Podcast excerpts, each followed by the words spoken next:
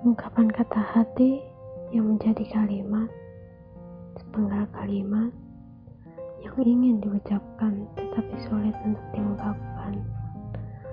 Mungkin aku, kamu, kita pernah mengalami hal ini. Dikecewakan karena seseorang, patah hati karena cinta, rasa lelah akan pekerjaan, merasa sedih karena kehilangan bahagia karena suatu hal. Di sini akan ada banyak cerita, kisah tentang sepenggal kalimat dari kehidupan.